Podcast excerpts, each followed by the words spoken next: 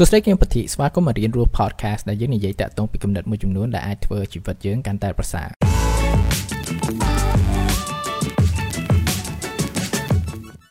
សួស្តីអ្នកទាំងអស់គ្នាថ្ងៃនេះខ្ញុំចង់និយាយតាក់ទងពីការយល់ច្រឡំមួយដែលយើងអាចមាននៅក្នុងសង្គមសប្តាហ៍នេះតាក់ទងពី depression តាក់ទងពីអ្វីដែលយើងហៅថាជំងឺបាក់ទឹកចិត្តហ្នឹង disclaimer មួយខ្ញុំមិនមែនជាពេទ្យចិត្តសាស្ត្រឬក៏អ្នក therapy អីទេ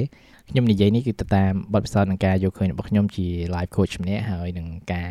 សិក្សានិងយល់ដឹងនឹងការអង្កេតទៅតាមសង្គមគឺខ្ញុំឃើញនឹងការយកច្រឡំមួយចំនួនដែលថាយើងអាចមានតកតងពីបញ្ហាផ្លូវចិត្តហើយជាមួយនឹងបញ្ហាផ្នត់គំនិតរបស់យើងហ្នឹងមានបទពិសោធន៍មួយដែលថាផ្លាស់ប្ដូរការគិតរបស់ខ្ញុំតកតងពីបញ្ហានេះគឺថាប្រហែលជា6 7ឆ្នាំមុនគឺថាមានក្រុមការងារខ្ញុំម្នាក់មកពីអូស្ត្រាលីគាត់ជនជាតិអូស្ត្រាលីហើយគាត់មកខ្មែរហើយគាត់រៀនចប់លក្ខណៈដូចជាចិត្តសាស្ត្រហើយចឹងទៅហើយក្នុងរយៈពេលដែលគាត់ធ្វើការនៅខ្មែរណាគាត់ ប្រាប់ខ្ញុំមួយគឺថាគាត់ភ្ញាក់ផ្អើលមែនតើតាក់ទងពីសង្គមស្រុកខ្មែរព្រោះថាពេលហ្នឹងគឺថាគាត់ធ្វើការជាមួយនឹងយុវជនច្រើនហើយក៏ជាប់ឃើញនៅក្នុង Facebook អីខ្លះអញ្ចឹងណាតាក់ទងដូចថា friend គ្នាអញ្ចឹងហើយគាត់កែងតែឃើញថាយុវជនជាច្រើនគឺថាតែងតែផុស publicly ហ្មងថាអូខ្ញុំ depress ហើយឬក៏ខ្ញុំមានបញ្ហាផ្លូវចិត្តហើយអីចឹងគឺថាជាអ្វីមួយដែលថានិយាយងាយស្រួលមែនតើហើយគាត់ថាហេតុអ្វីបាននិយាយតាក់ទងពីបញ្ហាហ្នឹង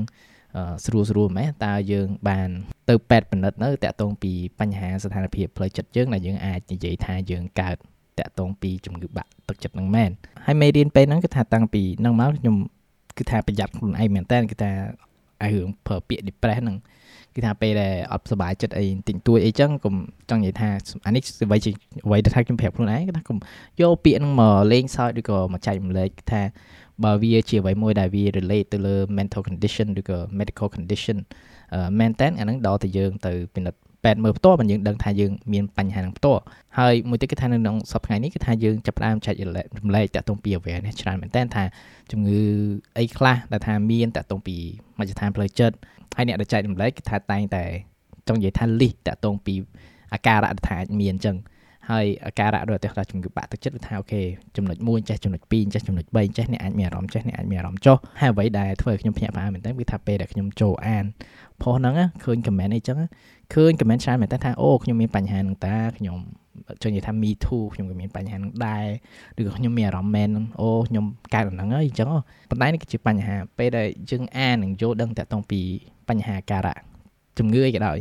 យើងអាចមានអារម្មណ៍ហ្នឹងខ្លះមែនតែមិនមានន័យថាយើងអាចមានស្ថានភាពឬជំងឺហ្នឹងឯងអានេះដូចឧទាហរណ៍តាក់ទងពីជំងឺ Covid អញ្ចឹងទៅតែថាជំងឺ Covid អ្នកដែលកើតទៅថាអាចក្អកឬក៏ អត់មានក្លិនឬក៏ញ៉ាំអែមានជាតិឬក៏ក្តៅខ្លួនហើយឈឺខ្លួនអីចឹងតិចតួចអីចឹងប៉ុន្តែពេលខ្លះយើងថាអូពេលដែលយើងអានច្រើនពេកយើងអាចភ័យហើយយើងពេលខ្លះយើងចេះគិតថាយើងអាចមានអាការៈហ្នឹងហើយពេលខ្លះយើងក្អកត្រង់ថារៀងស្អកកបន្តិចថាអូខ្ញុំក្អកតែតិចខ្ញុំមានកូវីដអីចឹងហើយ ប៉ុន្តែពេលដែលយើងអានតាក់ទងពីអាការៈហ្នឹងហើយពេលដែលយើងសង្កេតមើលខ្លួនឯងជាពិសេសពេលអាពេលយើងភ័យសង្កេតហើយពេលខ្លះយើងចេះសង្ស័យខ្លួនឯងសំបីតែអ្វីតិចតួចដែលថាវាអត់ជាអ្វីមួយដែលធំដុំយើងចាប់ផ្ដើមយកវាមកគិតឲ្យដាក់ខ្លួនឯងហ្នឹងហើយចាប់ផ្ដើមគិតថាអូខ្ញុំមានបញ្ហាហ្នឹងប៉ុន្តែឥឡូវបើយើងនិយាយកូវីដយើងអាចមានអាការហ្នឹងខ្លះយើងអានទៅយើងថាអូមានអាការៈដូចគ្នាខ្លះតែ មិនមែនតែថាយើងគិតថាយើងមានកូវីដយើងកើតកូវីដទេប៉ុន្តែដល់តែយើងទៅតេស្តយើងទៅពេទ្យគេមាន equipment ហើយជាពិសេសគឺថាគេមានជំនាញច្បាស់លាស់ដែលគេអាចពិនិត្យយើងបានបានគេអាចកត់សម្គាល់ថាយើងមាន covid ឬអត់ហើយបើសិនបើខ្ញុំសន្មត់តាក់ទងពីបញ្ហាផ្លូវចិត្តអញ្ចឹងដែរគឺថាមិនមែនថាយើងត្រូវអានផុសប្រហែលគេប្រាប់ថាមានអាការៈអីខ្លះអូខេខ្ញុំមានអាហ្នឹងអីឬក៏អីចឹងបើយើងចង់ដឹងច្បាស់គឺថាយើងរកអ្នកជំនាញ ដែលគាត់អាចមើលនិងវិភាគតាក់ទងពីការគិតរបស់យើងឬក៏អាការៈផ្សេងផ្សេងដែលថាគាត់ត្រូវមើលដើម្បីគាត់អាចសន្មត់ថាយើងអាចមានបញ្ហានឹងអត់បើសិនបើត្រង់តែអានផុសមួយយើងចេះលក្ខណៈដូចថា diagnose diagnose ថាយើងមានជំងឺអីមួយអត់អញ្ចឹងគេចាំបាច់ទៅរៀនពេទ្យរាប់ឆ្នាំដើម្បីមានជំនាញក្នុងការពិនិត្យអាការៈឬក៏ព្យាបាលក្នុងបញ្ហាទាំងអស់ហ្នឹងត្រូវហើយនេះគឺជាអ្វីមួយដែលថាខ្ញុំអាចឃើញជាបញ្ហាមួយដែរពេលដែលយើង យកបញ្ហាផ្លូវចិត្តមួយយកមកដាក់ខ្លួនឯងទោះបីជាយើងអត់ទាន់មានបញ្ហាហ្នឹងមែនក៏ដោយពេលដែលយើងនិយាយប្រាប់ខ្លួនឯងថាយើងមានបញ្ហាហ្នឹងវាក៏អាចជាអ្វីមួយដែលគេហៅថា self fulfilling prophecy មួយដែរអានេះដូចឧទាហរណ៍បើសិនបើខ្ញុំភ្ញាក់ពីគេងរាល់ថ្ងៃហើយខ្ញុំនិយាយប្រាប់ខ្លួនឯង10 20ដងថាខ្ញុំគឺជាមនុស្សម្នាក់ដែលមិនសប្បាយចិត្តខ្ញុំគឺជាមនុស្សម្នាក់ដែលកំសាខ្ញុំនិយាយហើយនិយាយទៀតប្រាប់ខ្លួនឯងចឹងរហូតទាំងអស់ហ្នឹងវាជាអ្វីមួយដែលជាប់ លក្ខណៈជាផ្នត់កំណត់មួយហើយវាជាអ្វីមួយដែល dictate តទៅពីកັບកិរិយារបស់ខ្ញុំសប្តាហ៍ថ្ងៃដែរនឹងធ្វើអ្វីមួយផ្សេងផ្សេងដែលធ្វើឲ្យខ្ញុំមានអារម្មណ៍បែបហ្នឹងមែនដោយសារអីខ្ញុំគិតថាខ្ញុំជាមនុស្សម្នាក់បែបហ្នឹងមែនហើយដូចឧទាហរណ៍តទៅពីបញ្ហាផ្លូវចិត្តអីចឹង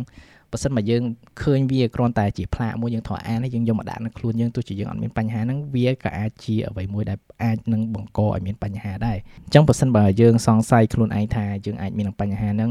ទៅរកអ្នកជំនាញទៅ ហើយមួយទៀតគឺថាវាមិនមែនជាអ្វីមួយដែលថាយើងគួរតែយកមកលើកឡើងមកលេងសើចទេតែប៉ិតពាក្យដែល depress មួយម៉ាត់ប៉ុន្តែខ្ញុំយកឃើញគឺថាវាជាអ្វីមួយដែលធ្ងន់ណាស់ព្រោះថាវាជាអ្វីមួយដែល relate តាក់ទងពី mental condition របស់មនុស្សម្នាក់ហើយវាអាច serious ជាងនេះទៀតអាចជា clinical ឬ medical condition អីចឹងបើសិនមកយើងអត់សុបាយចិត្តតិចតួចយើងប្រើពាក្យ depress ខុសគ្នាអារម្មណ៍អត់សុបាយចិត្តហើយអារម្មណ៍ depress ការដែលយើងអត់សុបាយចិត្តវាជា natural condition របស់មនុស្សម្នាក់គឺថានៅក្នុងជីវិតវាតែងតែមានបញ្ហា មួយចំនួនហើយវាតែងតែមានអ្វីមួយចំនួនធ្វើយើងអត់សុបាយចិត្តប៉ុន្តែវាមិនមានន័យថាវាធ្វើឲ្យយើង depress ទេទៅការដែលយើងនិយាយ depress គឺថាវាជាអ្វីមួយដែលថា more serious ហើយវាអាចមានតកតងពីបុគ្គលិកលក្ខណៈផ្សេងផ្សេងតាមអ្នកជំនាញនៅថាគេអាចនឹងបរិយាយនឹងហើយមួយទៀតគឺថាពេលខ្លះក៏ខ្ញុំមើលមកថាវាជាអ្វីមួយដែលខ្វះភាពចាស់ទុំ childish មែនតើក្នុងពេលដែលយើងយកវាមកប្រើមកលេងហ្នឹងព្រោះថាវាជាអ្វីមួយដែល disrespect តាក់ទងពីអ្នកដែលមានជំងឺនិង mental condition បែបបែបហ្នឹងមែនហើយមួយទៀតគឺថាវាជាអ្វីមួយដែលថាដូចធ្វើបាបខ្លួនឯងអញ្ចឹងព្រោះថាតសាអីយើងអាចយកអាហ្នឹងយកមកដើម្បីអីយកមករីរាំងខ្លួនឯងឬក៏យកវាជាអ្វីមួយដើម្បី មកបន្ទោសមនុស្សម្នាជុំវិញដូចឧទាហរណ៍ថាអូ like អ្នកឯងគឺអត់ល្អសម្រាប់សុខភាពផ្លូវចិត្តរបស់ខ្ញុំជេរឆ្ងាយឬក៏ពេលខ្លះយើងអាចនឹងយកវាតាក់ទងពីការកិច្ចវេះតាក់ទងពីទំនួលខុសត្រូវមួយចំនួនដែលយើងដឹងថាយើងត្រូវធ្វើដូចឧទាហរណ៍ខ្ញុំអត់ធ្វើវាទេព្រោះថាបើខ្ញុំធ្វើវាវាអត់ good សម្រាប់ mental health ពេលខ្លះនិយាយអាពាក្យហ្នឹងវាស្រួលពេកណាហើយពេលខ្លះដូចខ្ញុំនិយាយចឹងវាអាចខ្វះការយល់ដឹងតាក់ទងពីបញ្ហាហ្នឹង មែនដូចចំពោះខ្ញុំការដែលខ្ញុំយល់ដងតាក់ទងបញ្ហាហ្នឹងគឺថាខ្ញុំអត់ដែរនិយាយពាក្យ depress មក describe តាក់ទងពីអារម្មណ៍របស់ខ្ញុំទេព្រោះថាខ្ញុំមិនមែនជាពេទ្យចិត្តសាស្ត្រខ្ញុំក៏អាចអាច diagnose ខ្លួនឯងបានដែរហើយពេលខ្លះគឺថាតែងតែមានមិត្តអ្នកស្ដាប់មួយចំនួនក៏តែងតែឆាតខ្ញុំសួរតាក់ទងពី depression អីមិនមិនហើយតាក់ទងពី social anxiety disorder ឬក៏ផ្សេងផ្សេងហ្នឹងគួរដោះស្រាយមិនខ្ញុំតែតែប្រាប់គាត់ថាខ្ញុំមិនមែនជា doctor ទេខ្ញុំមិនអីខ្ញុំអត់ អត់ហាក់និយាយតើតើបញ្ហាហ្នឹងហើយអ្វីដែលថាខ្ញុំតែងតែសួរពេលដែលខ្ញុំបានសំណួរទាំងអស់ហ្នឹងខ្ញុំសួរប្រកបដែរគឺថាតើច្បាស់អត់ថាអ្នកមានបញ្ហាហ្នឹងតើអ្នកធ្លាប់ទៅពិគ្រោះហើយជាពិសេសគឺថា get diagnosis ឬក៏ការពិនិត្យនិងការវិនិច្ឆ័យពី doctor ដែលគេជំនាញតាក់ទងពីបញ្ហានឹងអត់មុននឹងយើងនិយាយថាយើងមានបញ្ហាហ្នឹងព្រោះថាបើសិនមកយើងត្រូវលើកវាយកមកដាក់យកមកបិទផ្លាកខ្លួនឯងប៉ុណ្ណឹង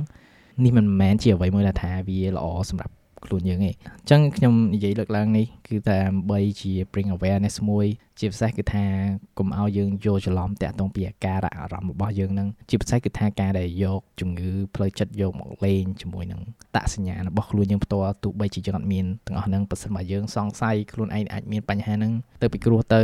ខ្ញុំគិតថានេះជាអ្វីមួយដែលល្អហើយយើងគួរធ្វើមែនតើការដែលយើងចេះស្វែងរកអ្នកជួយជាពិសេសគឺអ្នកជួយដែលមានជំនាញហ្នឹងគឺវាជាអ្វីមួយដែលល្អសម្រាប់យើងហើយវាមិនមែនជាអ្វីមួយដែលថាវាខ្មាស់អៀននៅក្នុងការយើងទៅពិគ្រោះជាមួយនឹងដុកទ័រប៉ុន្តែវាជាអ្វីមួយដែលថាយើងគួរជៀសវាងមែនតើក្នុងការវិនិច្ឆ័យនិងសន្មត់ខ្លួនឯងដែលអត់មានការពិគ្រោះជាមួយនឹងអ្នកជំនាញមែនតើអញ្ចឹងអរគុណមែនតើក្នុងការស្ដាប់ podcast ថ្ងៃនេះខ្ញុំសង្ឃឹមថាវាបើកបំភ្លឺមួយតាក់ទងពី អ្វីដែលយើងអាចមើលឃើញថាជាបញ្ហាផ្លូវចិត្ត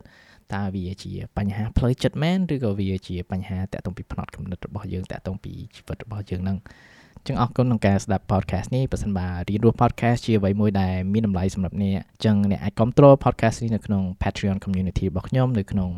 www.patreon.com/moniputili ចឹងអរគុណមែនតើចាំជួបគ្នានៅអេពីសូតថ្ងៃក្រោយក្នុងអំឡុងពេលនេះអភិវឌ្ឍខ្លួនជានិច្ច